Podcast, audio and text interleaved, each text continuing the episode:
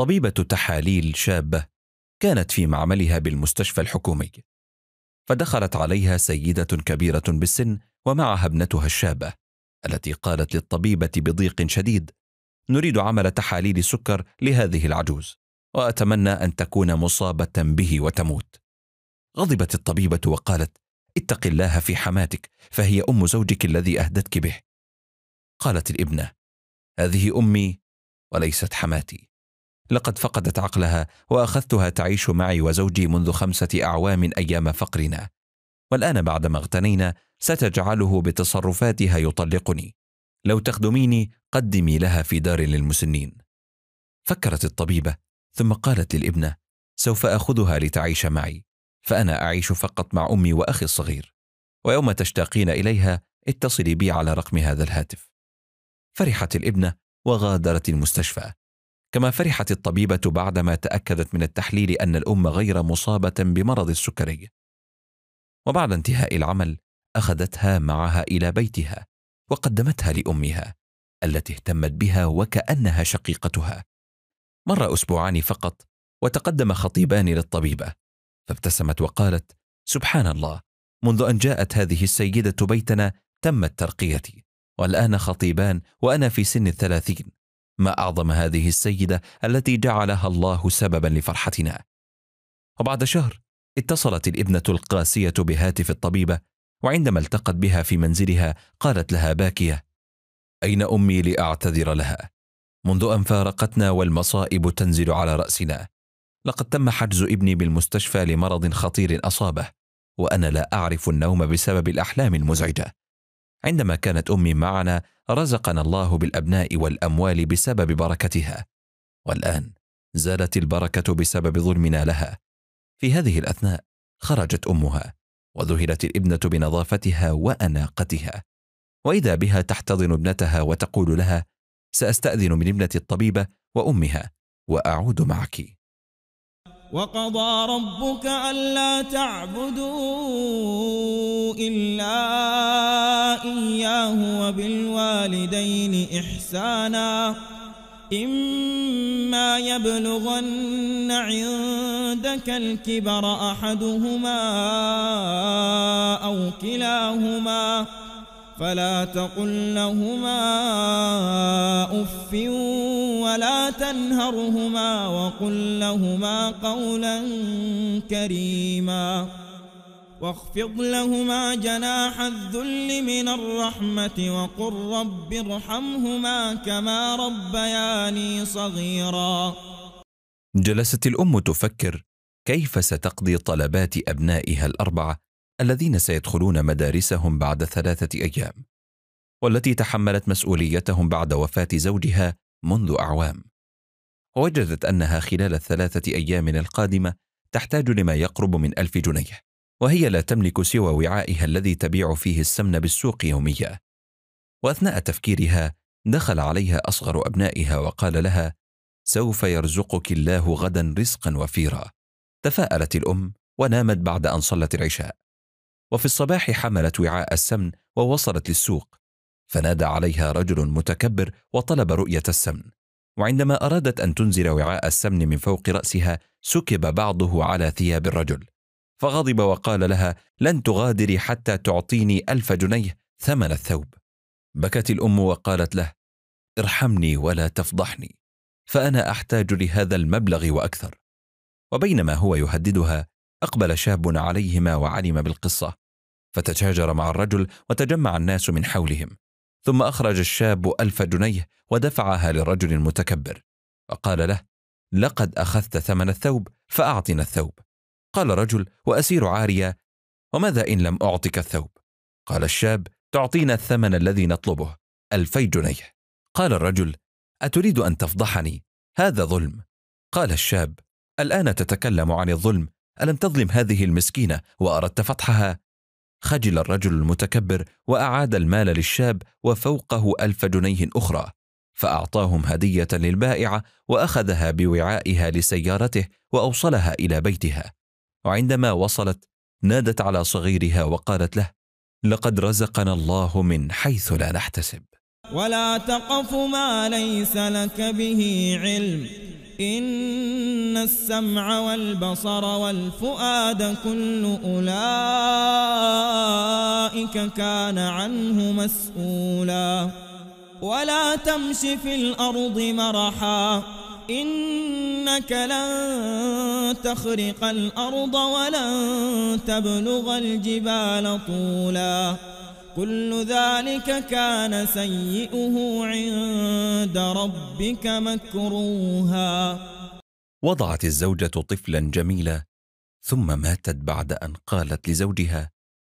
أحمد أمانة في يديك فحافظ عليه وإياك أن تشعره يوما بأنه يتيم عاش أحمد مع أبيه وبعد عام تزوج وأنجبت الزوجة الجديدة ولدا سمته رامي ثم بدأت تحقد على أحمد وتفرق بينه وبين أخيه في المعاملة واستمر هذا الوضع لسنوات حتى مرض الأب وقال لزوجته قبل موته لا تفرقي بين ابني ولا تحرميهما من بعضهما مات الزوج وحرمت الزوجة أحمد من كل شيء حتى المدرسة أخرجته منها فشعر بالظلم وعندما أبدى اعتراضه عما يحدث له طردته من البيت خرج احمد باكيا لا يعرف اين يذهب وظل ماشيا حتى راه شيخ كبير اثناء خروجه لصلاه الفجر فاخذه معه للمسجد وبعد ان صلى الفجر معه حكى احمد قصته للشيخ فاخذه الى بيته واهتم به ثم اعاده الى المدرسه ليكمل تعليمه وظل ينفق عليه مثل ابنه حتى اصبح طبيبا وتمر السنين ويصبح احمد من اكبر الاطباء وفي احد الايام جاءه اتصال من المستشفى بضروره حضوره لوجود حاله يائس منها جميع الاطباء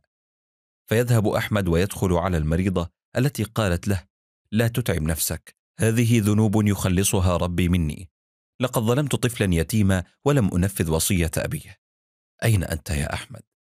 ليتك تعلم ان الله عادل وتعلم اني حفظت لك حقك من ابيك عرف احمد ان هذه المريضه هي زوجه ابيه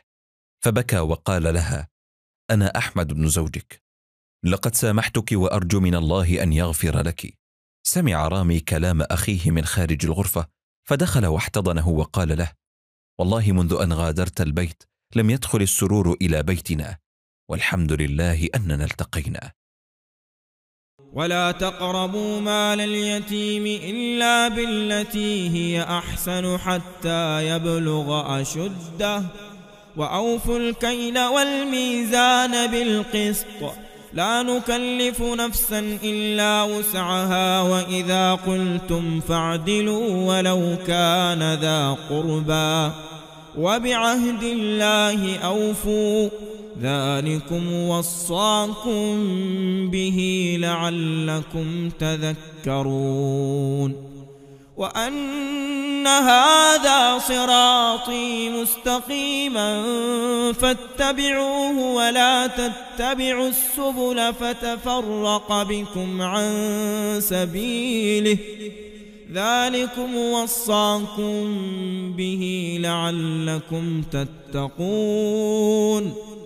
فتاة جميلة صالحة أكملت دراستها الجامعية رغم فقرها ثم تقدم أحد الأغنياء طالبا الزواج بها دون أن يكلف أهلها شيئا فوافقت الفتاة حتى تريح أهلها من مصاريف الجهاز وتم الزواج وانتقلت الفتاة إلى قصر جميل وبعد شهرين علمت الفتاة أن زوجها تزوج من قبل أكثر من مرة وقام بتطليقهن عندما لم ينجبن له الذكور فذكرته بحديث النبي صلى الله عليه وسلم من ولي ابنتين فأحسن إليهن كن له سترا من النار ولكن الزوج لم يتأثر فشعرت بخوف بعد حملها وأصرت على عدم معرفة نوع الجنين إلا يوم الولادة وجاء اليوم وأنجبت الزوجة ابنة جميلة فقام الزوج بتطليقها واصيبت بحزن شديد ولكنها ظلت تذكر الله وتدعوه وتحمده وبعد اشهر اذا بمدير المستشفى الذي سمع قصتها يطلب الزواج بها ويعدها برعايه ابنتيها فوافقت الزوجه وكان لها طلب واحد وهو تحويل بيته القديم المغلق الى مكان يقدم فيه الطعام للفقراء وتقوم هي بنفسها بخدمه هؤلاء فوافق الزوج وتمر الايام ويرزق الله الزوجين باثنين من الذكور وبعد سنوات تتخرج ابنتها من الجامعه وتذهب الى امها لتقوم على خدمه الفقراء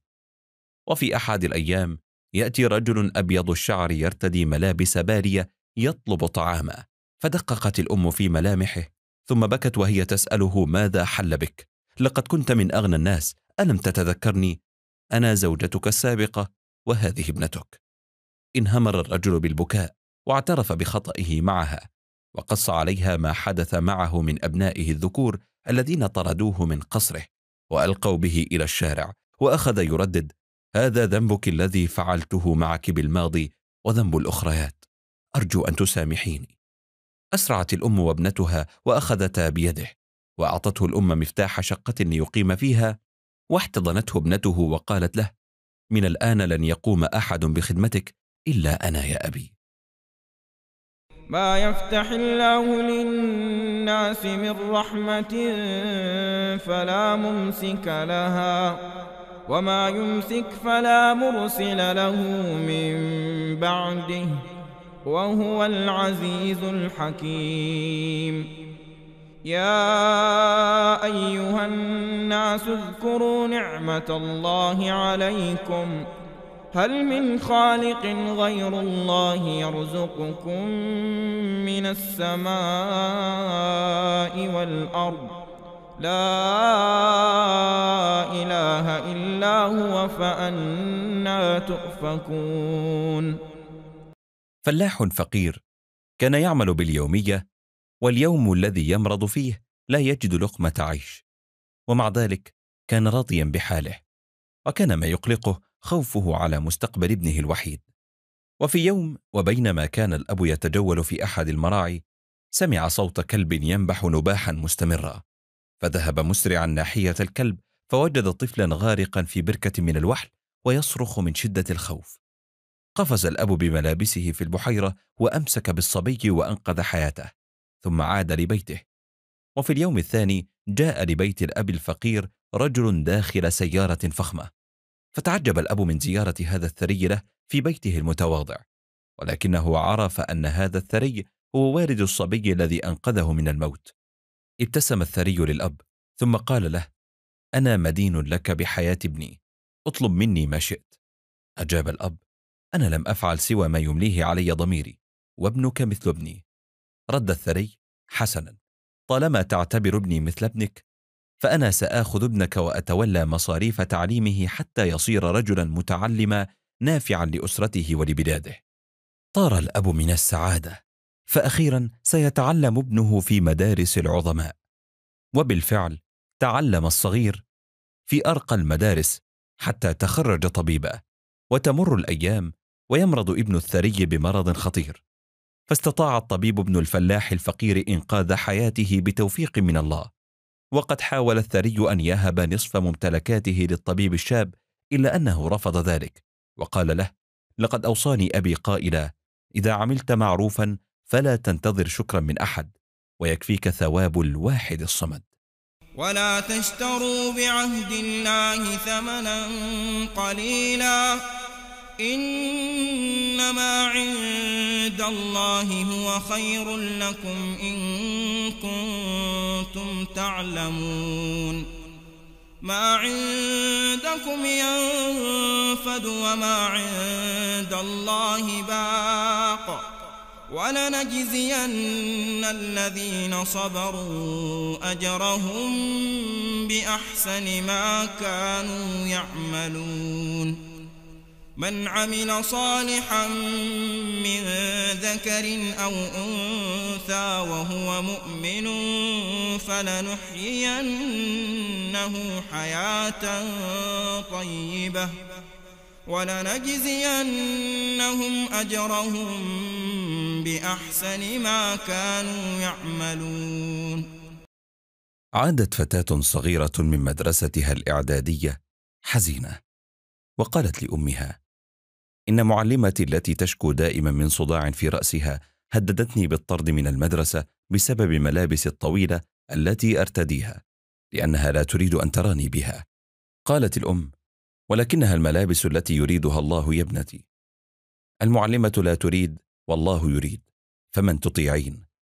أتطيعين الله الذي خلقك وصورك في أجمل صورة أم تطيعين معلمتك التي لا تملك لنفسها نفعا ولا ضرا قالت الفتاه اطيع الله وفي اليوم التالي ذهبت الفتاه بالثياب الطويله وعندما راتها معلمتها اخذت تؤنبها بقسوه فانفجرت الصغيره بالبكاء ثم قالت لمعلمتها والله لا ادري من اطيع اطيعك انت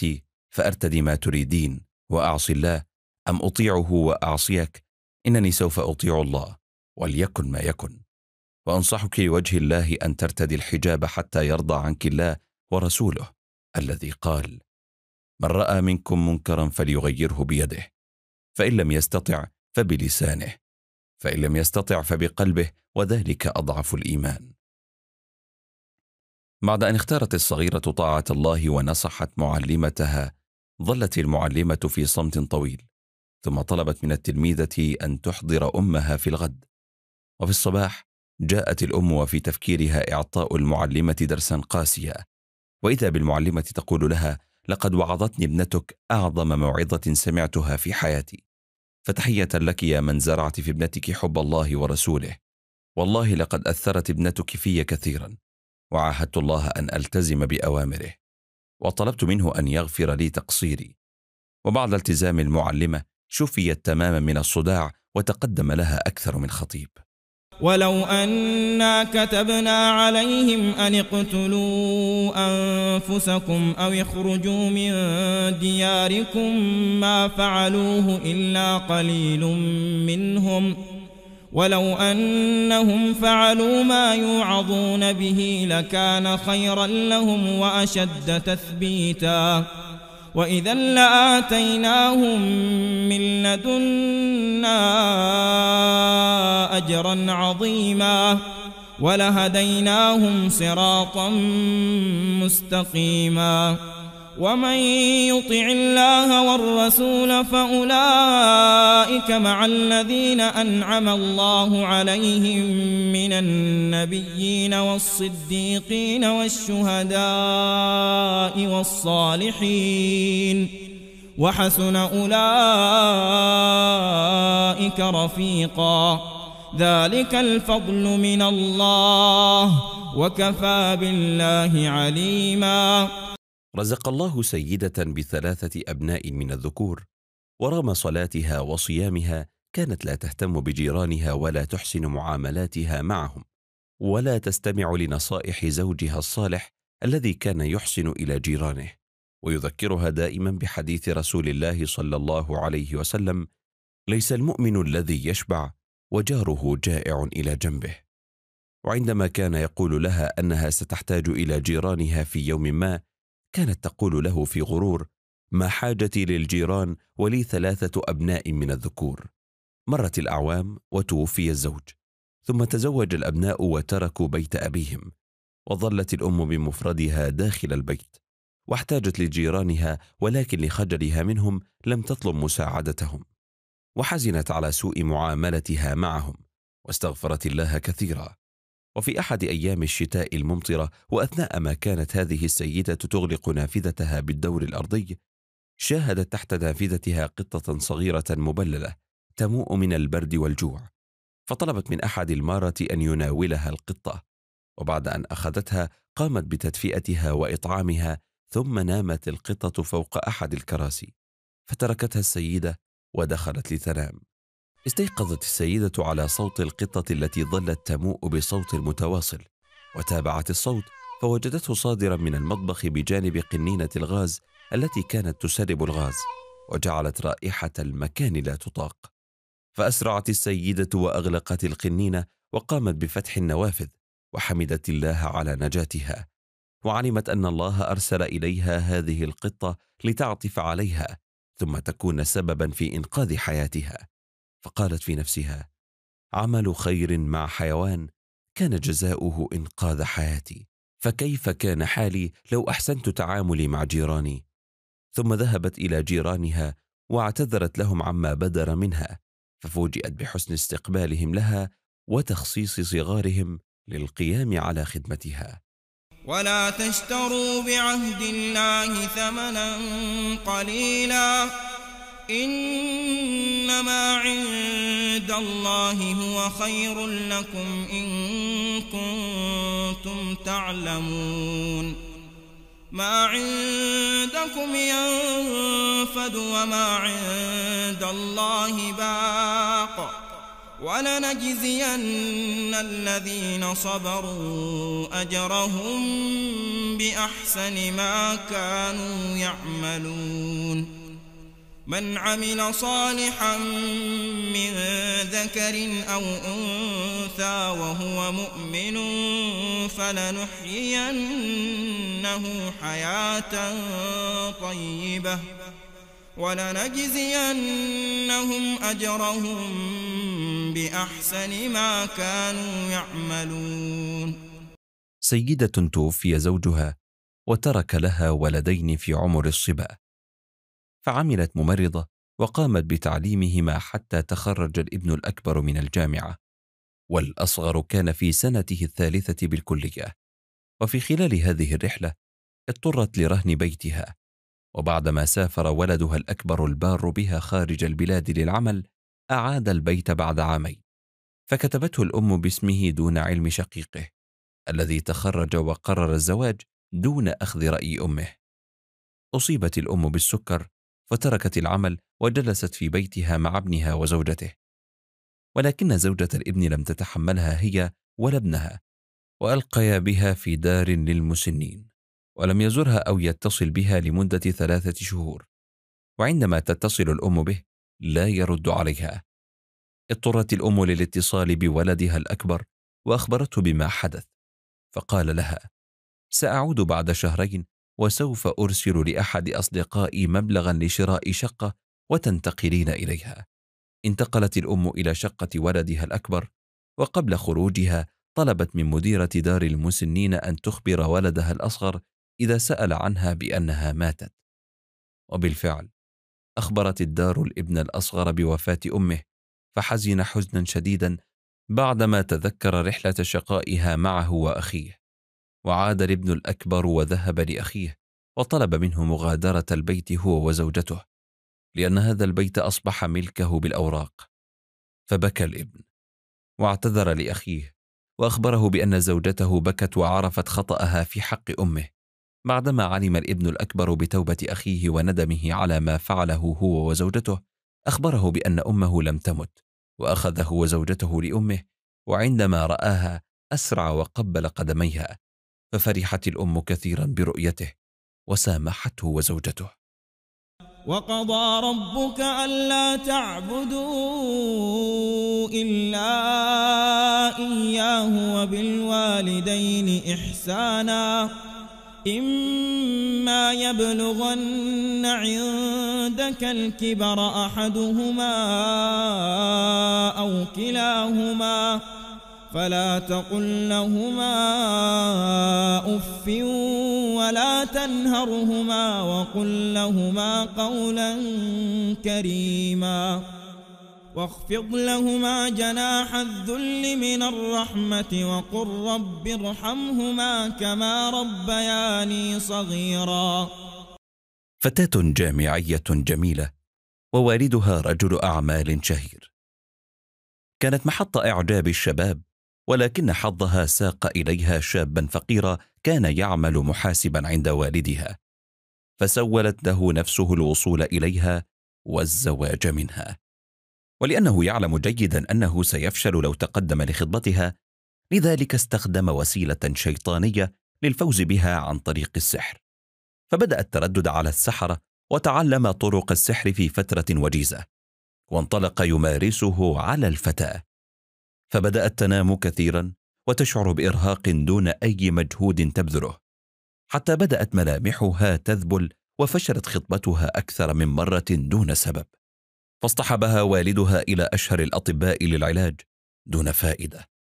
فتقرب المحاسب الى اسرتها بادعاء انه معالج للسحر فكان يعطيها اوراقا مكتوبا عليها طلاسم ويضعها في الماء لتشربها واخرى تضعها على جسدها الى ان تغير لون جسدها واصبح اشبه بالقرود وسقط جزء كبير من شعرها واصبحت كالدميه في هذا الوقت عادت احدى صديقاتها الملتزمات من سفر طال لاعوام وعندما علمت بما حدث لصديقتها زارتها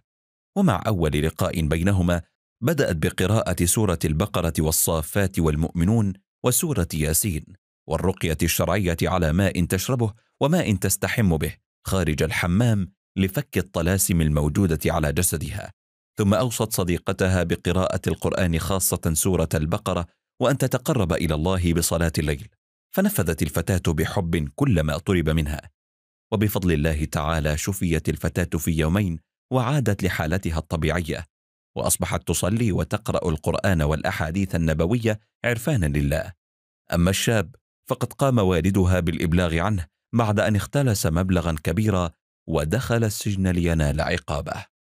ونضع الموازين القسط ليوم القيامة فلا تظلم نفس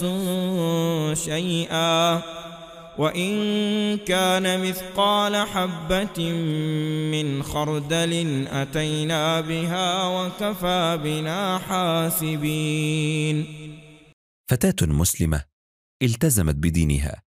فرزقها الله بزوج مسلم وفي ليلة الزفاف دخل العروسان إلى منزلهما وقدمت الزوجة العشاء لزوجها وفجأة سمع صوت قرع الباب فانزعج الزوج وقال غاضبا من ذا الذي يأتي في هذه الساعة؟ وعندما سألت الزوجة عن الطارق أجابها سائل يريد بعض الطعام خرج الزوج إلى الرجل وضربه ثم طرده وخرج الرجل على جوعه والجروح تملأ روحه وجسده بينما عاد الزوج إلى عروسه وهو في ضيق شديد وفجأة أصابه شيء يشبه المس فخرج يصرخ وترك زوجته التي أصابها الرعب من منظر زوجها ولأنها مشيئة الله فقد صبرت الزوجة واحتسبت الأجر عند الله تعالى وبقيت على حالها لمدة خمسة عشر عاما وبعد هذه المدة تقدم شخص صالح لخطبتها فوافقت عليه وتم الزواج وفي ليلة الزفاف اجتمع الزوجان على مائدة العشاء وفجأة سمع الاثنان صوت الباب يقرع وعندما سألت الزوجة عن الطارق أجابها سائل يريد طعاما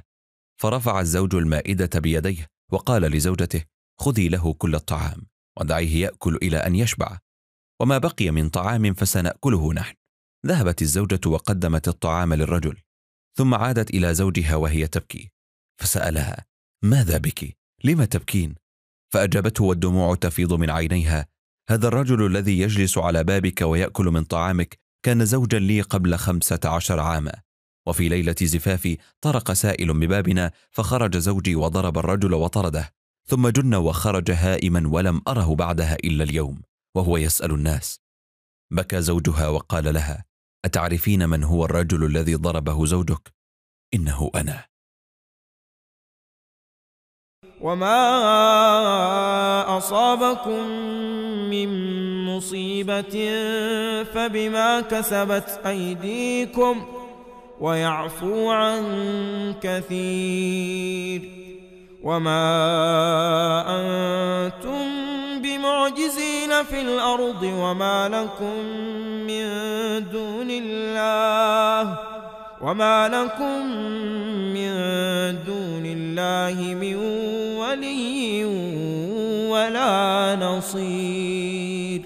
معلمة بإحدى المدارس الابتدائية تزوجت من زميل لها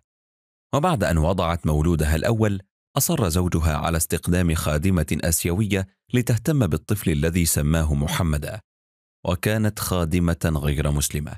وبعد ثلاثة أشهر من عودة المعلمة للمدرسة صدمت بخبر وفاة محمد وكان عمره أربعة أشهر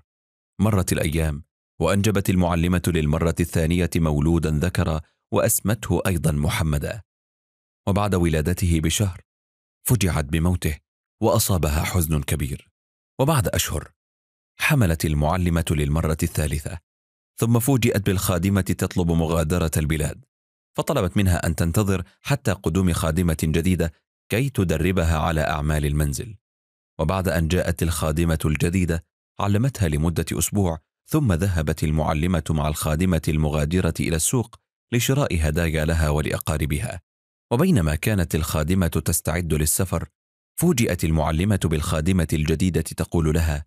هل كان لديك من قبل أطفال؟ فقالت لها المعلمة نعم طفلان وقد توفيا فقالت الخادمة عندما رايت معاملتك الطيبه لخادمتك لم استطع ان اتحمل فانا مسلمه لقد اخبرتني خادمتك بانه اذا كنت لا اريد ان اعتني بالاطفال ولا احبهم فما علي سوى غرس ابر مسممه في مخ الطفل مثل ما فعلت هي صرخت المعلمه باعلى صوتها ثم استدعت الخادمه المغادره وقامت بضربها وعندما جاء الزوج اخبرته بجريمه الخادمه فأخذ الخادمتين إلى الشرطة التي حملت المعلمة الهجوم على الخادمة بالضرب لذلك قررت المعلمة أن تترك المدرسة وتتفرغ بنفسها لتربية مولودها القادم ولا تؤمنوا إلا لمن تبع دينكم قل إن الهدى هدى الله أن يؤتى أحد مثل ما أوتيتم أو يحاجوكم عند ربكم ۖ قل إن الفضل بيد الله يؤتيه من يشاء والله واسع عليم يختص برحمته من يشاء والله ذو الفضل العظيم مدرسة للبنات ذهبت في رحلة بالحافلة لمواقع أثرية وبعد النزول اخذت كل واحده منهن ترسم او تصور وذهبت احدى الفتيات الى مكان بعيد وعند الرحيل ركبت البنات الحافله فلما سمعت البنت صوت الحافله اخذت تركض خلفها وتصرخ ولكن احدا لم ينتبه لها فاخذت الفتاه تسير خائفه ولما حل الليل زادت خوفا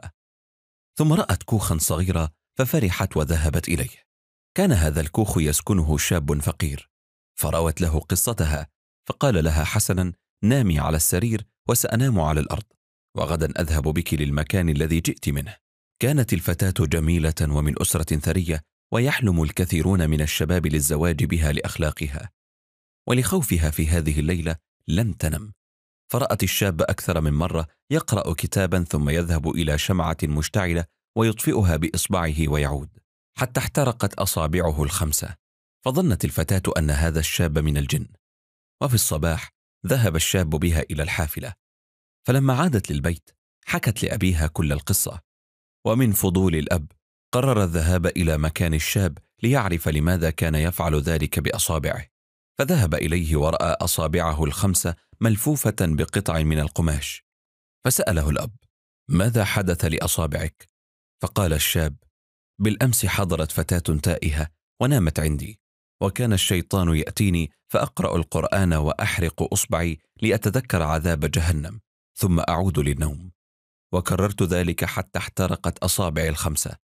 فقال له الاب تعال معي الى البيت فلما وصل احضر ابنته وقال هل تعرف هذه الفتاه قال الشاب هذه التي نامت عندي بالامس فقال الاب هي زوجه لك فقد قال النبي صلى الله عليه وسلم انك لن تدع شيئا لله الا بدلك الله به ما هو خير لك منه فسجد الشاب لله شكرا لانه ابدله الحرام بالحلال من عمل صالحا من ذكر او انثى وهو مؤمن فلنحيينه حياه طيبه ولنجزينهم أجرهم بأحسن ما كانوا يعملون تاجر عطور تزوج من فتاة كان يتمناها لأخلاقها ونسبها الأصيل وبعد ثلاث سنوات طلبت الزوجة من زوجها أن يفتح لها صفحة لتتعلم الدردشة عبر مواقع التواصل الاجتماعي من خلال هاتفها فلبى الزوج طلبها ومنذ ذلك الوقت بدأت الزوجة تتكاسل عن صلاتها وأذكارها لقضائها معظم الوقت في الدردشة عبر الفيس وغيره. وفي يوم تركت زوجته صفحتها أثناء دخولها المطبخ، ففوجئ الزوج بأن زوجته تتحدث مع خطيبها السابق عن غرامها معه في الجامعة، وأنها كانت تتمنى الزواج به، لكنها ارتبطت بزوجها الحالي بأمر والدها وأمها بعد فسخ خطبتها منه، كونه كان بلا عمل حينها.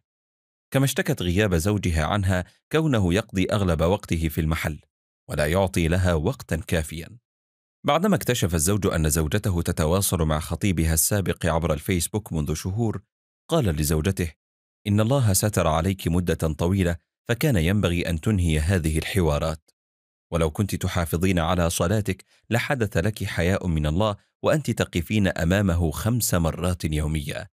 وما كنت تماديت في معصيته لقد اعتبر الزوج ما حدث بين زوجته وخطيبها السابق خيانه زوجيه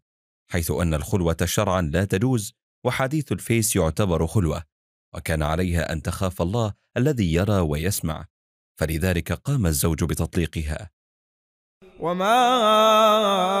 اصابكم من مصيبه فبما كسبت ايديكم ويعفو عن كثير وما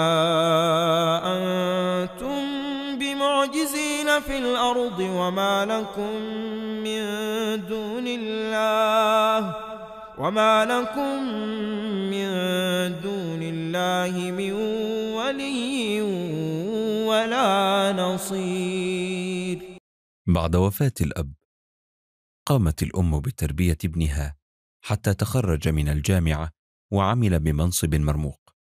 وكان الابن قد أحب زميلة له في الجامعة من أسرة ثرية كانت جميلة ولكنها غير ملتزمة وتم الزواج وغادر الزوجان إلى الساحل لقضاء شهر العسل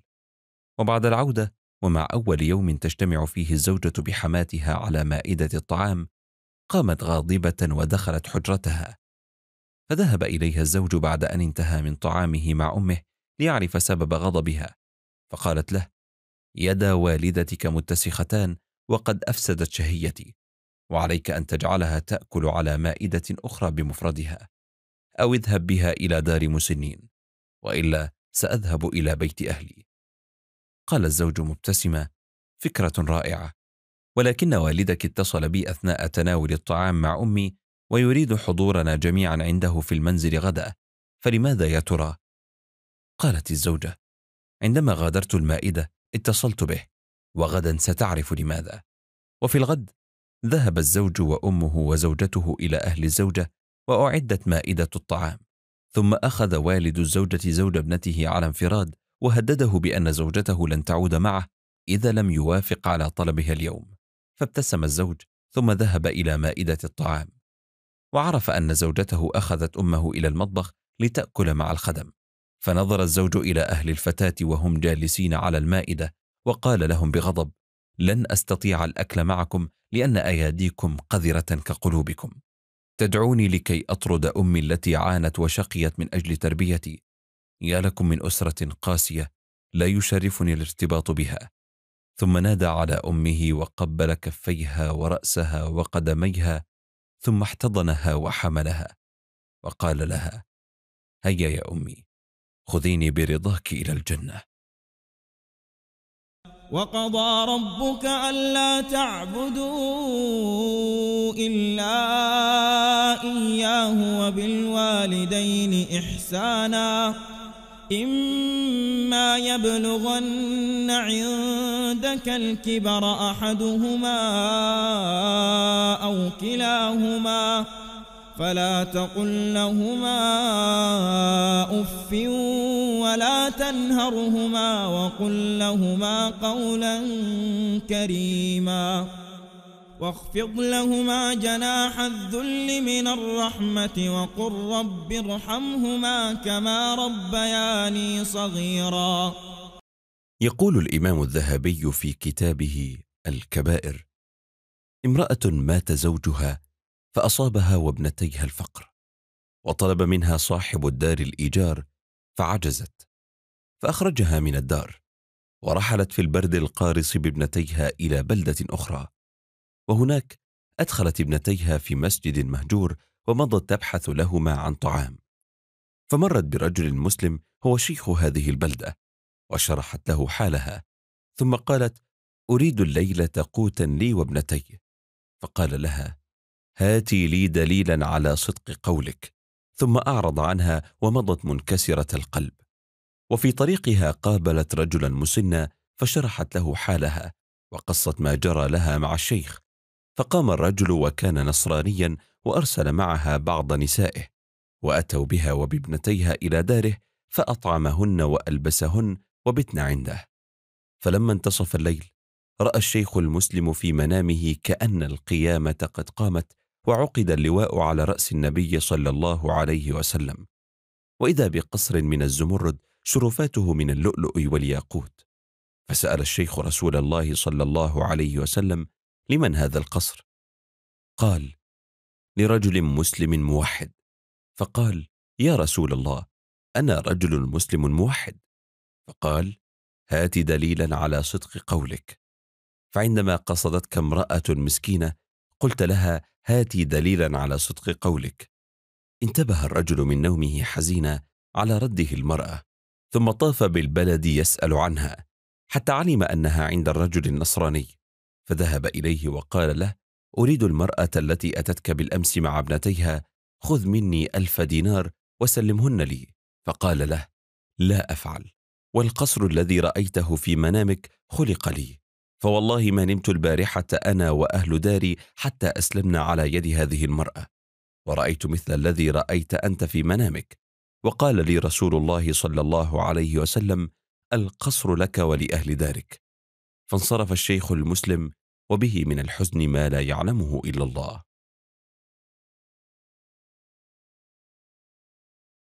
مثل الذين ينفقون أموالهم في سبيل الله كمثل حبة أنبتت سبع سنابل في كل سنبلة مئة حبة والله يضاعف لمن يشاء والله واسع عليم الذين ينفقون أموالهم في سبيل الله ثم لا يتبعون ما أنفقوا منا ولا أذى لهم أجرهم عند ربهم ولا خوف عليهم ولا هم يحزنون رجل فقير وشبه عاجز استوقف سائق تاكسي وقال له بصوت ضعيف هل تسمح بتوصيلي الى بيتي بجانب الجبل وليس معي ما اعطيك من النقود ابتسم سائق التاكسي وقال للرجل اصعد ولا تشغل بالك باجرتي وصل الرجل لبيته فاقبل عليه اولاده الصغار وسالوه اجئتنا بالخبز فقال لهم في حزن لا والله ما جئت بالخبز فقد استحييت من السائق ان اطيل عليه المسافه والوقت دون اجر او مقابل سمع السائق هذا الرد فذهب واشترى خمسة أكياس خبز وأعطاه إياها فشاهد السائق أولاد الرجل التهموا نصف الخبز في دقائق من شدة جوعهم فأخفى دموعه وعاد إلى المدينة يسعى فاستوقفه سائح وقال له أوصلني إلى المطار وأعطاه ألفي جنيه والتسعيرة لهذه الرحلة خمسمائة جنيه فقط وهو في المطار جاءه سائح آخر طلب منه أن يوصله إلى فندق شهير وأعطاه مئة دولار فاشترى السائق ما لذ وطاب من الفواكه والحلوى واللحوم ليذهب بها إلى الرجل الفقير لأنه تأكد أن الله رزقه هذا الرزق بسببه إلا أن أحد الأصدقاء التقى به وأصر أن يذهب معه إلى بيته ليشاركه في وليمة أعدها فذهب معه وهناك وجد إسرافا كثيرا وبعد العشاء بقي صنف من الطعام بأكمله لم يمسسه أحد فاحتاروا أين يذهبون به فأخذه السائق وبعد أن ودع صاحب الوليمة ذهب إلى أسرة الرجل الفقير وأعطاه كل ما اشتراه وما حصل عليه من الوليمة فبكى الرجل فرحا مما يحدث له وسمع السائق صوت الأطفال الصغار تصيح لحم فاكهه حلوى فسقطت دمعه من عينيه ودعا لاهل هذا البيت ولغيره ان يرحمهم الله وان يلطف بهم يا ايها الذين امنوا لا تلهكم اموالكم ولا اولادكم عن ذكر الله ومن يفعل ذلك فأولئك هم الخاسرون وأنفقوا مما رزقناكم من قبل أن يأتي أحدكم الموت فيقول رب لولا أخرتني إلى أجل قريب فأصدق وأكن من الصالحين ولن يؤخر الله نفسا إذا جاء أجلها والله خبير بما تعملون شاب صيدلي تخرج من كلية الصيدلة وكان أمل أسرته الريفية المتواضعة فقد باع أبوه قطعة الأرض الزراعية التي يمتلكها وأسس له صيدلية لكي يعمل بها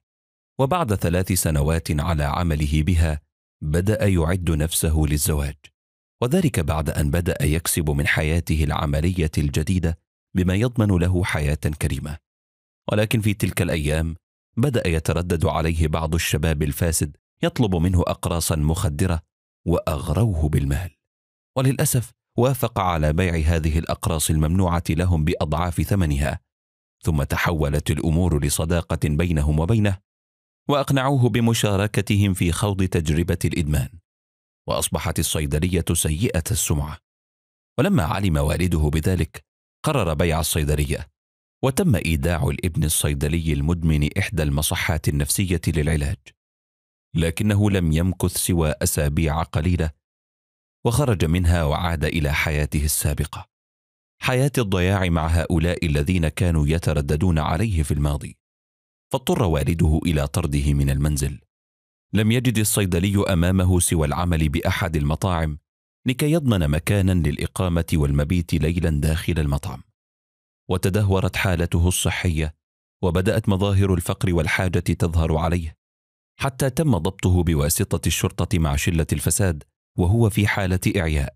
جعلته أشبه بالمتسولين وكانت وللأسف النهاية المحتومة دخوله السجن ثم إيداعه مستشفى الأمراض العقلية بعد خروجه من السجن لعودته للإدمان مرة أخرى لقد استسلم هذا الشاب للمعصية وارتكب ما حرمه الله وما حرم الله شيئا إلا وكان فيه فساد للحياة وضياع للمستقبل ونهاية مأساوية لا يرتضيها لنا وما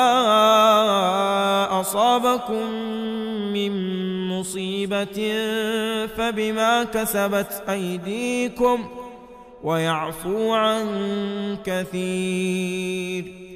وما أنتم بمعجزين في الأرض وما لكم من دون الله وما لكم من دون الله من ولي ولا نصير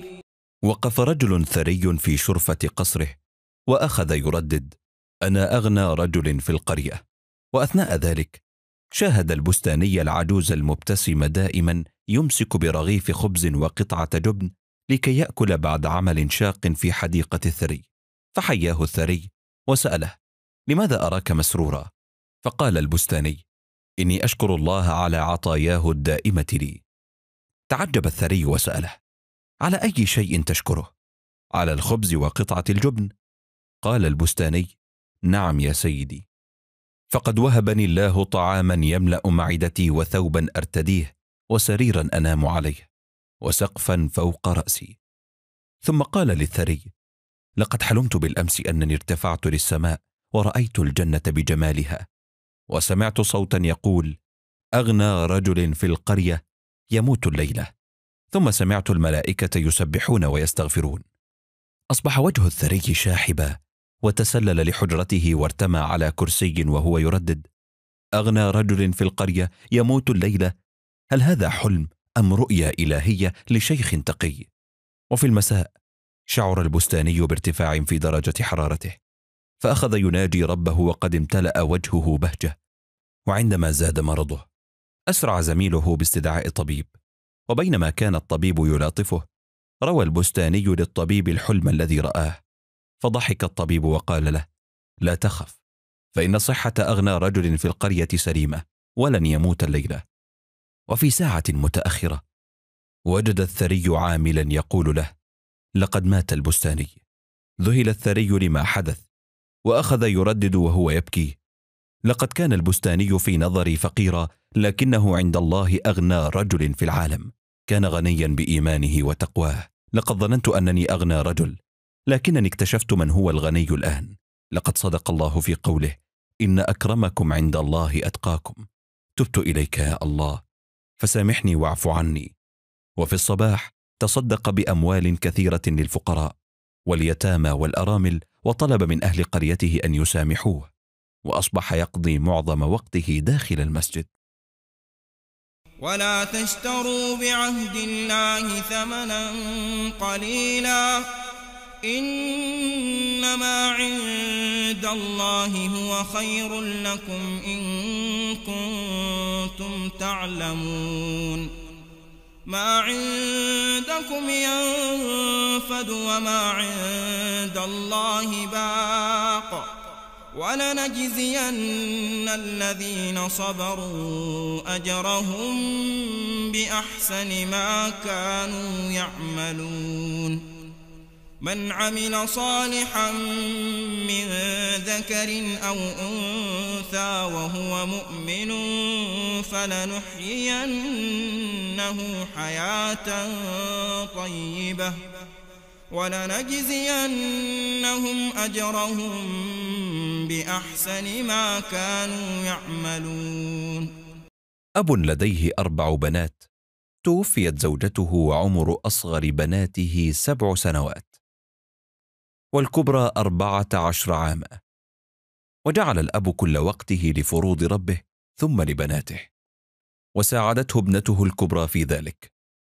وبعد عشرة أعوام تقدم ثلاثة من الشباب لخطبة بناته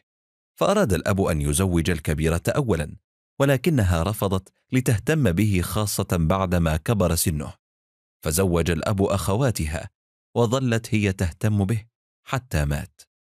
وبعد وفاته فتحوا وصيته فوجدوه قد كتب فيها لا تقسموا او تبيعوا البيت حتى تتزوج اختكم الكبيره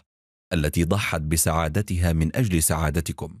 ولكن الاخوات الثلاث رفضن الوصيه وعرضن البيت للبيع وتقدم شاب ثري لشرائه وعندما جاء اخبرته الاخت الكبرى بوصيه والدها وطلبت منه ان يصبر عليها ويتركها بضعه اشهر حتى تجد مكانا مناسبا تعيش فيه وافق الشاب وقال لن استلم البيت الا عندما تطلبين ذلك ثم دفع ثمن البيت وتم تقسيمه بين الاخوات الاربع وذهبت كل واحده من الاخوات الثلاث لبيت زوجها في سعاده ولم تفكر احداهن في مصير اختهن الكبرى وفي احد الايام تلقت الاخت الكبرى اتصالا من الشاب الذي اشترى البيت فظنت انه عاد عن اتفاقه وسيطردها من البيت ولما أتاها قال لها هذا البيت وهبته مهرا لك إن شئت قبلت أن أكون لك زوجة وإن شئت عدت من حيث أتيت وفي الحالتين البيت لك لم أحلم بزوجة لي أفضل منك واعلمي أنك مهما فعلت من خير فلن يضيعه الله فكيف ببرك لوالديك بكت الأخت الكبرى وعلمت أن الله لا يضيع عمل المحسنين ووافقت على الزواج من ذلك الشاب وعاشت في سعاده داخل بيت ابيها ومع زوج كريم وقل اعملوا فسيرى الله عملكم ورسوله والمؤمنون وستردون إلى عالم الغيب والشهادة فينبئكم بما كنتم تعملون فتاة صالحة تزوجت من شاب تقي ورزقهما الله بطفلين جميلين وبعد عشر سنوات تغير الزوج فجأة فأصبح يغضب لأتفه الأسباب وكثيرا ما ينتج عن غضبه الاعتداء على زوجته بالسب والضرب فتعجبت الزوجة كثيرا من التحول الذي طرأ على زوجها ومع ذلك حاولت كثيرا التودد إليه والمزاح معه إلا أنه في كل مرة كان يقابل طيبتها بمعامله سيئه فكرهت الجلوس معه واعلمت بما يحدث معها احدى صديقاتها وكانت حافظه لكتاب الله وعلى درايه كبيره بامور دينها فنصحتها بالصبر وبكثره تلاوه القران وبالذات سوره البقره فبدات تنفذ ما اوصت به صديقتها وفي صباح يوم افتعل الزوج مشكله على مائده الطعام وخرج من البيت غاضبا حينها اتصلت الزوجة بأهلها وهي تبكي فجاءوا للبيت ورأت منهم الشفقة لحالها وبينما هم جالسون في البيت يقرؤون القرآن شعرت الزوجة بالهدوء وفجأة قطع تلاوتهم صوت قوي فأسرعوا جميعا إلى المطبخ ظنا أنه أنبوب الغاز فلم يجدوا شيئا عندها خرجوا إلى ساحة البيت فرأوا عجبا لقد شاهدوا بلاطة خرجت من مكانها فاقتربوا منها وهم خائفين ورفعوها ونظروا تحتها وكانت الحقيقه لقد كان شيئا من عمل السحر وفورا اتصلوا بشيخ فاضل واخبروه بما حدث فاعطاهم طريقه التخلص منه فقاموا باحراق السحر على الفور وبعد حرق السحر مباشره فوجئت الزوجه بعوده زوجها للبيت على غير عادته في هذا التوقيت والمفاجاه الاكبر ان زوجها دخل البيت سعيدا مبتسما ومن يومها عادت السعاده للاسره كما كانت من قبل واكثر واتبعوا ما تتلو الشياطين على ملك سليمان وما كفر سليمان ولكن الشياطين كفروا يعلمون الناس السحر وما أنزل على الملكين ببابل هاروت وماروت وما يعلمان من أحد حتى يقولا إنما نحن فتنة فلا تكفر فيتعلمون منهما ما يفرقون به بين المرء وزوجه وما هم بضارين به من أحد إلا بإذن الله ويتعلمون ما يضرهم ولا ينفعهم ولقد علموا لمن اشتراه ما له في الآخرة من خلاق ولبئس ما شروا به أنفسهم لو كانوا يعلمون ولو أنهم آمنوا واتقوا لمثوبة من عند الله خير لو كانوا يعلمون سيدة تقية حافظة لكتاب الله توفي زوجها بعد أن ترك لها ثلاثة أبناء كلهم بالمدارس واكبرهم في العاشره من عمره وقد تكلفت الام بتربيه ابنائها فكانت بعد صلاتها للفجر تخرج من القريه ذاهبه للمدينه لتبيع ما جمعته من بيض وجبن ثم تعود لبيتها سعيده بعد ان تبيع كل ما اخذته معها وتشتري طلبات ابنائها ثم تبدا في مراجعه القران والدروس مع ابنائها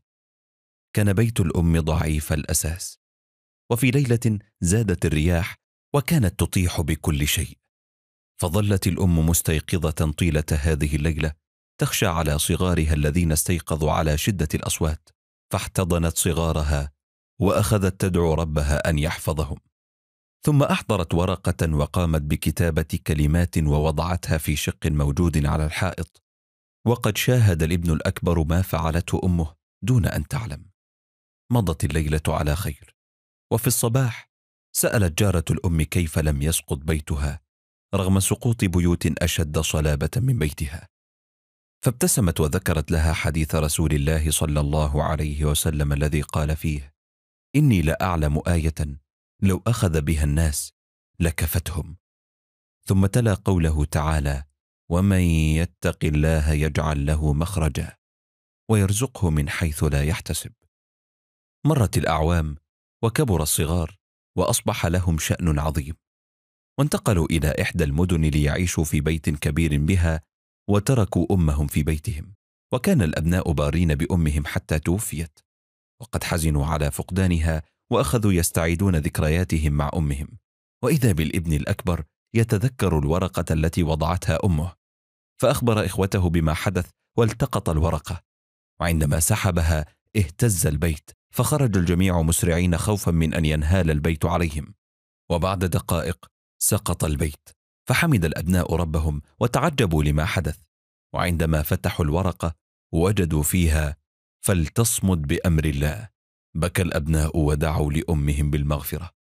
فكم كانت تقيه واراها الله عجائب قدرته ومن يتق الله يجعل له مخرجا ويرزقه من حيث لا يحتسب ومن يتوكل على الله فهو حسبه إن الله بالغ أمره قد جعل الله لكل شيء قدرا شاب تقي يحب الأطفال كثيرا وكل أمانيه أن يرزق بطفل بعد زواجه احب فتاه وذهب مع اهله لخطبتها وكم كانت سعادته بعد ان تمت الخطوبه هذا الشاب كان يعمل محاسبا براتب متواضع فاخبرته خطيبته ان شركه استيراد تطلب محاسبين باضعاف مرتبه فذهب ليتقدم اليها واثناء سيره صدمته سياره تقودها فتاه ولم يشعر بنفسه الا وهو بالمستشفى وساقه اليمنى بالجبس ثم شاهد فتاه جميله تمسك وردا وتقدمه له وتقول انا اسفه على اصابتك ولكنك مررت من امامي فجاه ولم استطع تفاديك اتصل الشاب بخطيبته واخبرها بما حدث وعندما جاءت صدمت ثم تركته ثم جاءته رساله منها على هاتفه تقول فيها لا استطيع اكمال المشوار معك وبعد مرور اسبوعين سمح له الطبيب بالخروج على كرسي وكانت تلك الفتاه معه حتى ذهب الى منزله وظلت تزوره يوميا للاطمئنان عليه فتعلق بها واحبها وبعد مرور سته اشهر استطاع ان يمشي على قدمه وعرف من اصدقائه ان خطيبته تزوجت احد جيرانها وانها تعاني من عقم فشكر ربه لانه كان متعلقا بالاطفال ثم قرا في جريده ان شركه الاستيراد التي كان سيتقدم لها اعلنت افلاسها بسبب ديون البنوك فشكر الله كثيرا على رحمته به وفي يوم قرر ان يصارح الفتاه بحبه لها ولكن المفاجاه انها اتت وقالت له هل تقبل الزواج مني سوف تعمل في منصب مدير في احدى شركات ابي سجد الشاب لله شكرا ثم قال ما الطفك يا الله فلولا الحادث لكنت تزوجت عاقرا والتحقت بوظيفه لن تدوم وانت الان اعطيتني وظيفه بمرتب كبير وبفتاه كالملاك وصدق رسولك الكريم الذي قال ما من عبد تصيبه مصيبه فيقول انا لله وانا اليه راجعون اللهم اجرني في مصيبتي واخلف لي خيرا منها الا اجره الله في مصيبته واخلف له خيرا منها ما يفتح الله للناس من رحمه فلا ممسك لها وما يمسك فلا مرسل له من بعده وهو العزيز الحكيم يا ايها الناس اذكروا نعمه الله عليكم هل من خالق غير الله يرزقكم من السماء والارض لا إله إلا هو فأنا تؤفكون دخل رجل المسجد في غير وقت الصلاة فرآه رجل كبير في السن فقال له ما لي أراك في وقت غير الصلاة ووجهك عليه الحزن والهم قال الرجل يا شيخ إنني متزوج منذ فترة ولم يرزقني الله بأطفال ولم اترك طبيبا الا وذهبت اليه ولكني لم اجد عند احد علاج فقال له الشيخ سوف اعطيك الدواء وهذا الدواء صعب للغايه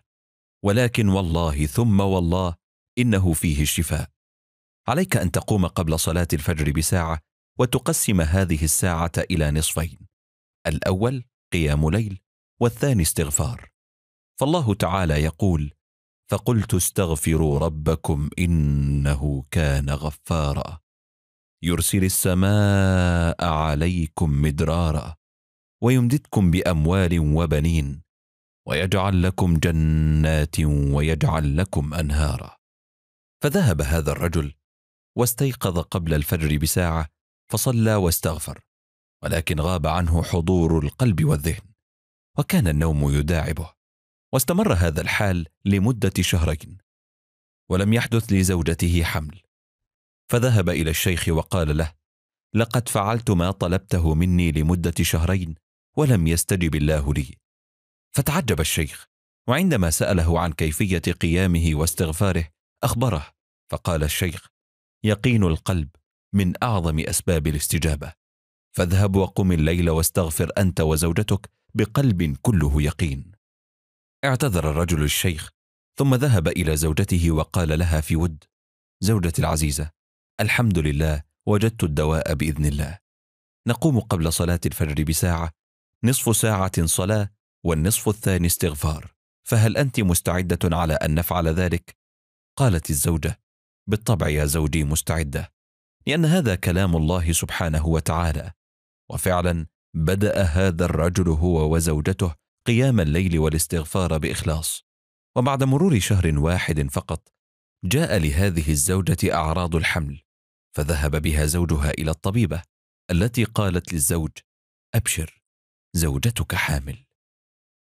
واذا سالك عبادي عني فاني قريب اجيب دعوه الداع اذا دعان فليستجيبوا لي وليؤمنوا بي لعلهم يرشدون شاب صالح تقي بعد زواجه بعام اشتكت زوجته من صداع دائم رافقها لمدة شهرين فطلب الطبيب منها عمل بعض الأشعة والتحاليل لأن هذه الأعراض تشير إلى وجود سرطان فأخذ الشاب زوجته في سيارته وذهب إلى معمل التحاليل والأشعة وبعد عمل ما طلبه الطبيب نزل الزوجان لركوب سيارتهما فوجد الزوج رجلا عجوزا فقيرا يسند ظهره على السياره وقد وضع فرشا امامه به كميه صغيره من الخس والليمون لبيعها فنزل الزوج على ركبتيه من البائع وساله عن سعر الخس والليمون وعندما عرف الثمن اعطاه ورقه نقديه لمبلغ كبير يعادل ضعف ثمن كل ما على الفرش فقال له الرجل العجوز لا يوجد معي نقود لاعطيك الباقي فطلب منه الزوج أن يذهب ويقوم بفك الورقة النقدية من أقرب محل ويعود له بالباقي وعندما غادر العجوز المكان أسرع الشاب وقام بتشغيل سيارته ووضع كل الخس والليمون على فرش الرجل ثم غادر وزوجته المكان عاد الرجل للمكان فوجد بضاعته كما هي فبكى بعدما علم أن الشاب أراد التصدق عليه دون أن يحرجه فدعا له قائلا حفظك الله يا بني وحفظ أسرتك من كل مكروه وجعل لكم من كل ضيق مخرجا بكت الزوجة من عطف زوجها وقالت له كلما رأيت عطفك على المساكين تذكرت قول الرسول صلى الله عليه وسلم إنما تنصرون وترزقون بالضعفاء والمساكين ابتسم الزوج وعندما عاد لبيته قال لزوجته مبتسمة أشعر بانشراح صدر وعندي ثقة في الله أن كل النتائج ستكون إيجابية ولن يصيبك مكروه وفي الموعد ذهب الزوج لاستلام نتائج التحاليل والأشعة وتأكد أن زوجته سليمة فاتصل بها وبشرها ثم ذهب للطبيب المعالج فنظر للنتائج وقال لقد حدثت معجزة وأنا واثق أن هناك دعاء استجاب الله له ورد به القضاء مثل الذين ينفقون أموالهم في سبيل الله كمثل حبة أنبتت سبع سنابل في كل سنبلة مئة حبة والله يضاعف لمن يشاء والله واسع عليم الذين ينفقون أموالهم في سبيل الله ثم لا يتبعون ما أنفقوا منا ولا أذى لهم أجرهم عند ربهم ولا خوف عليهم ولا هم يحزنون خلف نافذة أحد الفصول بمدرسة ابتدائية للبنات كانت تجلس طفلة مسكينة وجميلة بلغت سن المدرسة ولكنها لم تلتحق بها بسبب فقر أسرتها حيث أن والدها توفي ولها ثلاثة إخوة أصغر منها وكانت تبيع خبزا لأمها في الصباح لتساهم مع أمها في الإنفاق على إخوتها وفي أحد الأيام دخل معلم تقي يدرس مادة الرياضيات للصف الثالث وسأل تلميذاته سؤالا فلم تجبه أي تلميذة وفوجئ بالتي تبيع الخبز تطل من النافذه وتشير باصابعها للاجابه وكانت اجابتها صحيحه قرر المعلم رعايتها وطلب من المدير قبولها بالمدرسه فوافق وبعد سنوات انهت الطفله المرحله الابتدائيه ثم الاعداديه وهنا سافر المعلم ليعمل بدوله عربيه وانقطعت صلته بها لمده 12 عاما وبعدها عاد الى وطنه فذهب لقريه تلميذته وسال عنها فذكروا له ان اسرتها رحلت الى العاصمه منذ سنوات وانقطعت اخبارها عنهم ذهب المعلم الى مسكنه بالعاصمه حزينا وفي احد الايام شعر بالم في معدته فذهب الى المستشفى مع احد ابنائه واثناء جلوسه اذا بطبيبه جميله تحدق اليه بشوق كبير فسال الابن اباه ان كان يعرفها فاخبره بانه لم يرها من قبل وبعد تدقيق من الطبيبة أسرعت إليه وعانقته وهي تبكي وبينما المعلم في دهشة كبيرة قالت الطبيبة له أنا الطفلة بائعة الخبز التي كنت سببا في دخولها المدرسة وصرفت عليها حتى وصلت لما وصلت إليه بفضل الله ثم رعايتك بكى المعلم ومن فرحته زال الألم عنه ثم دعته الطبيبة هو وابنه إلى منزلها وأخبرت أمها وإخوتها بالمعلم الإنسان الذي وقف معهم وكان سببا في تغيير مجرى حياتهم واحتفلت به الاسره احتفالا كبيرا ولا تقربوا مال اليتيم الا بالتي هي احسن حتى يبلغ اشده واوفوا الكيل والميزان بالقسط لا نكلف نفسا الا وسعها واذا قلتم فاعدلوا ولو كان ذا قربى وبعهد الله أوفوا ذلكم وصاكم به لعلكم تذكرون وأن هذا صراطي مستقيما فاتبعوه ولا تتبعوا السبل فتفرق بكم عن سبيله ذلكم وصاكم به لعلكم تتقون مزارع فقير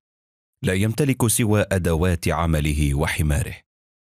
يعمل اجيرا لدى اغنى اغنياء قريته وكان هذا المزارع مصابا بداء النظر الى ما عند الغير وكثيرا ما تمنى ان يتبدل الحال ويملك هو املاك صاحب الارض رغم ان هذا المزارع لديه زوجه تقيه وابنه تحفظ القران وكثيرا ما طلبت من ابيها ان يشكر الله على نعمه الصحه ولا ينظر لمن هو اعلى منه الا لمن يسبقه في امور دينه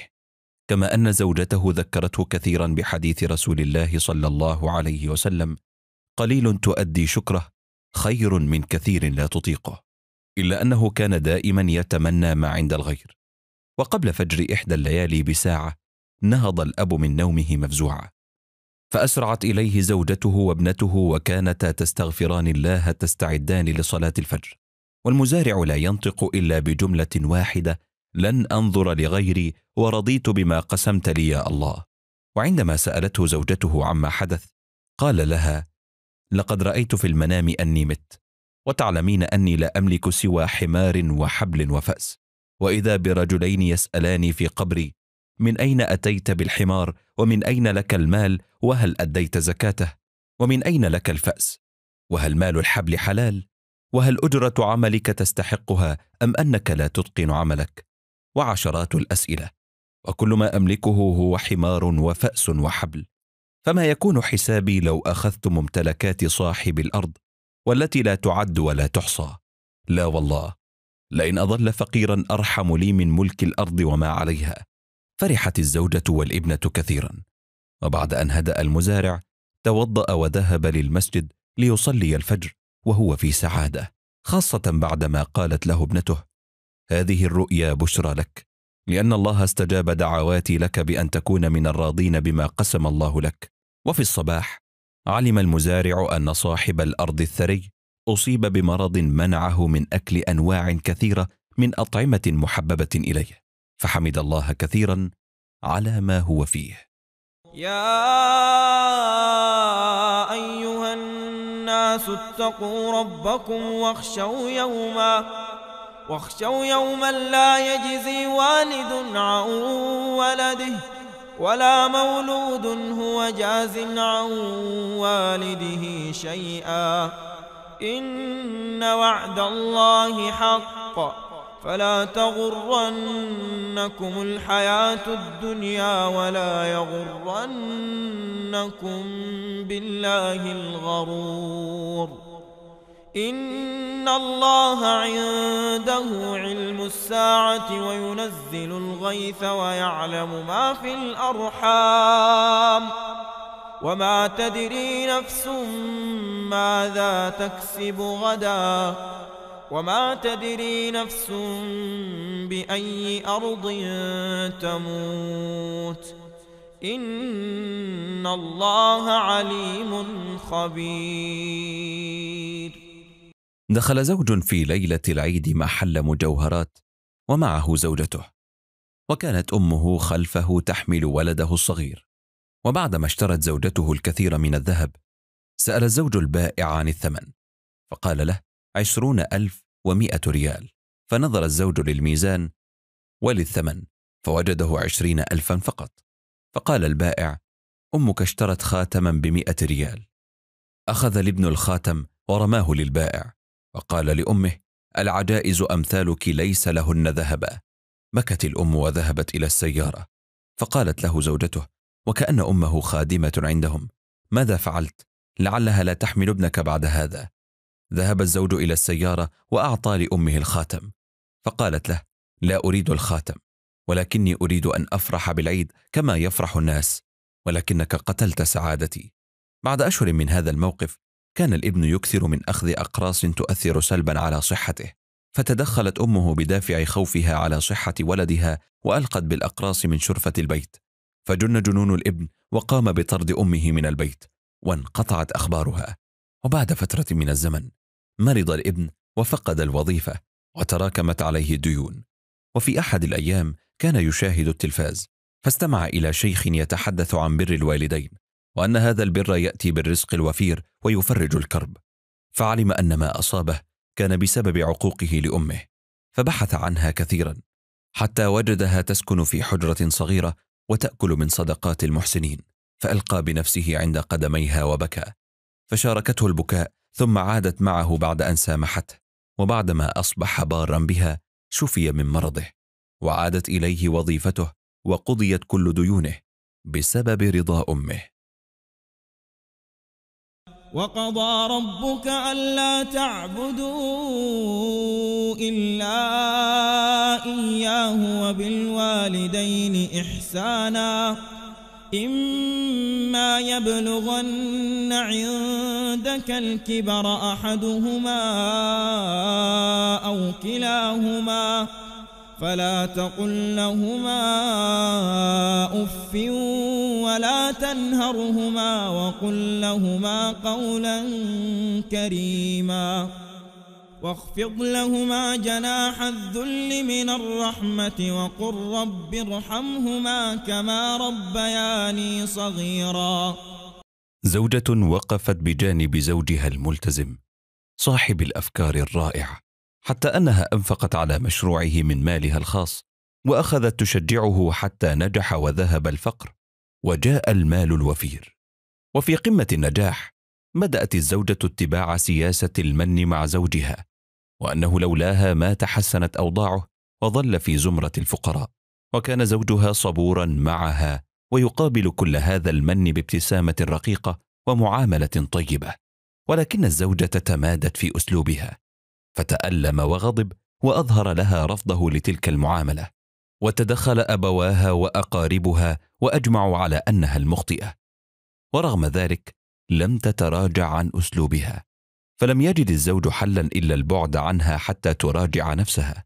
ذهبت الزوجة إلى بيت أبيها فوجدت زوجة أخيها الأكبر تفعل كل ما بوسعها لمساعدة أخيها وتعينه دائما على الخير وتبتسم مهما عانت معه ثم ذهبت لزيارة أخيها الأصغر الذي يسكن مع زوجته في بيت حماته بعد أن تعرض لعملية نصب ولم يستلم شقته التي دفع ثلاثة أرباع ثمنها وقد توقعت أنها ستجد شقيقها يعاني من سوء معاملة زوجته وأهل بيتها بسبب وجوده في بيتهم إلا أنها وجدت شقيقها يعيش وكأنه صاحب البيت وشاهدت زوجته تعامله في تواضع كبير وتعيش معه على مرضاه الله تاثرت الزوجه بكل ما شاهدت وقالت في نفسها والله ان زوجي اتقى واحن من شقيقي وكان يعاملني معامله كريمه لم يعامل احد من شقيقي زوجته عشر ما كان يعاملني زوجي كم كنت مخطئه في تكبري على هذا الزوج المخلص عادت الزوجه من عند اخيها وذهبت الى زوجها تبكي وتعتذر له بدموع عينيها فابتسم لها واستقبلها استقبالا رائعا واول ما فعلته الزوجه انها توضات وصلت ركعتين شكرا لله الذي هداها ونصرها على شيطانها وسارعوا إلى مغفرة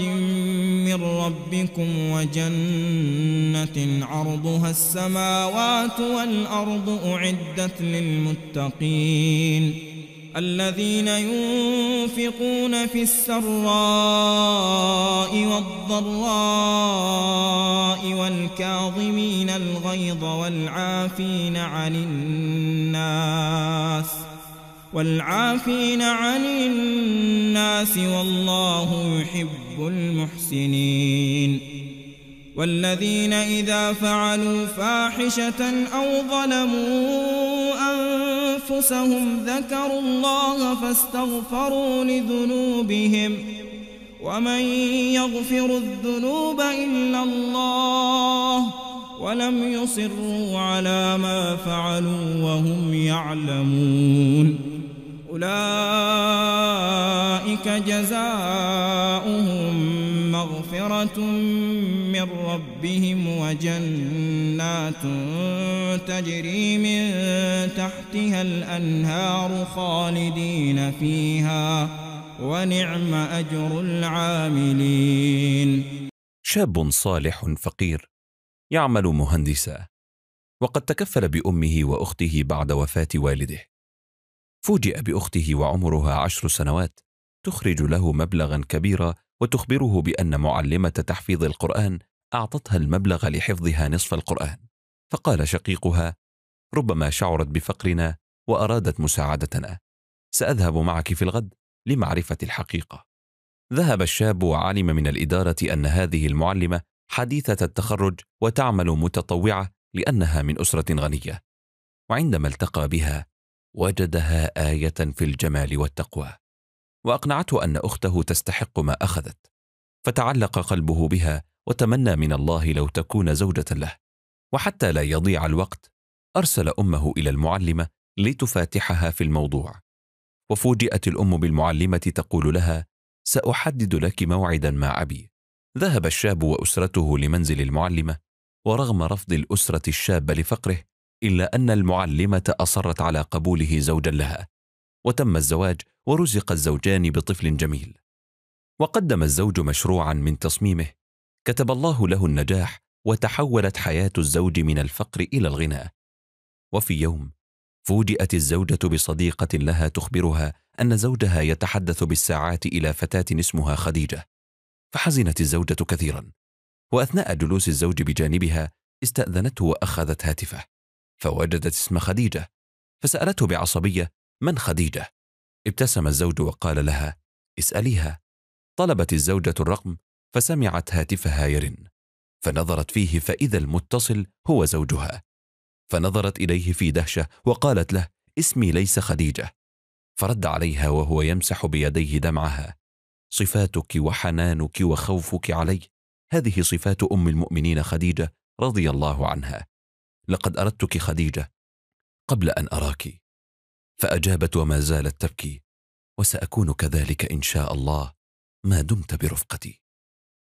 ما يفتح الله للناس من رحمة فلا ممسك لها وما يمسك فلا مرسل له من بعده وهو العزيز الحكيم يا ايها الناس اذكروا نعمه الله عليكم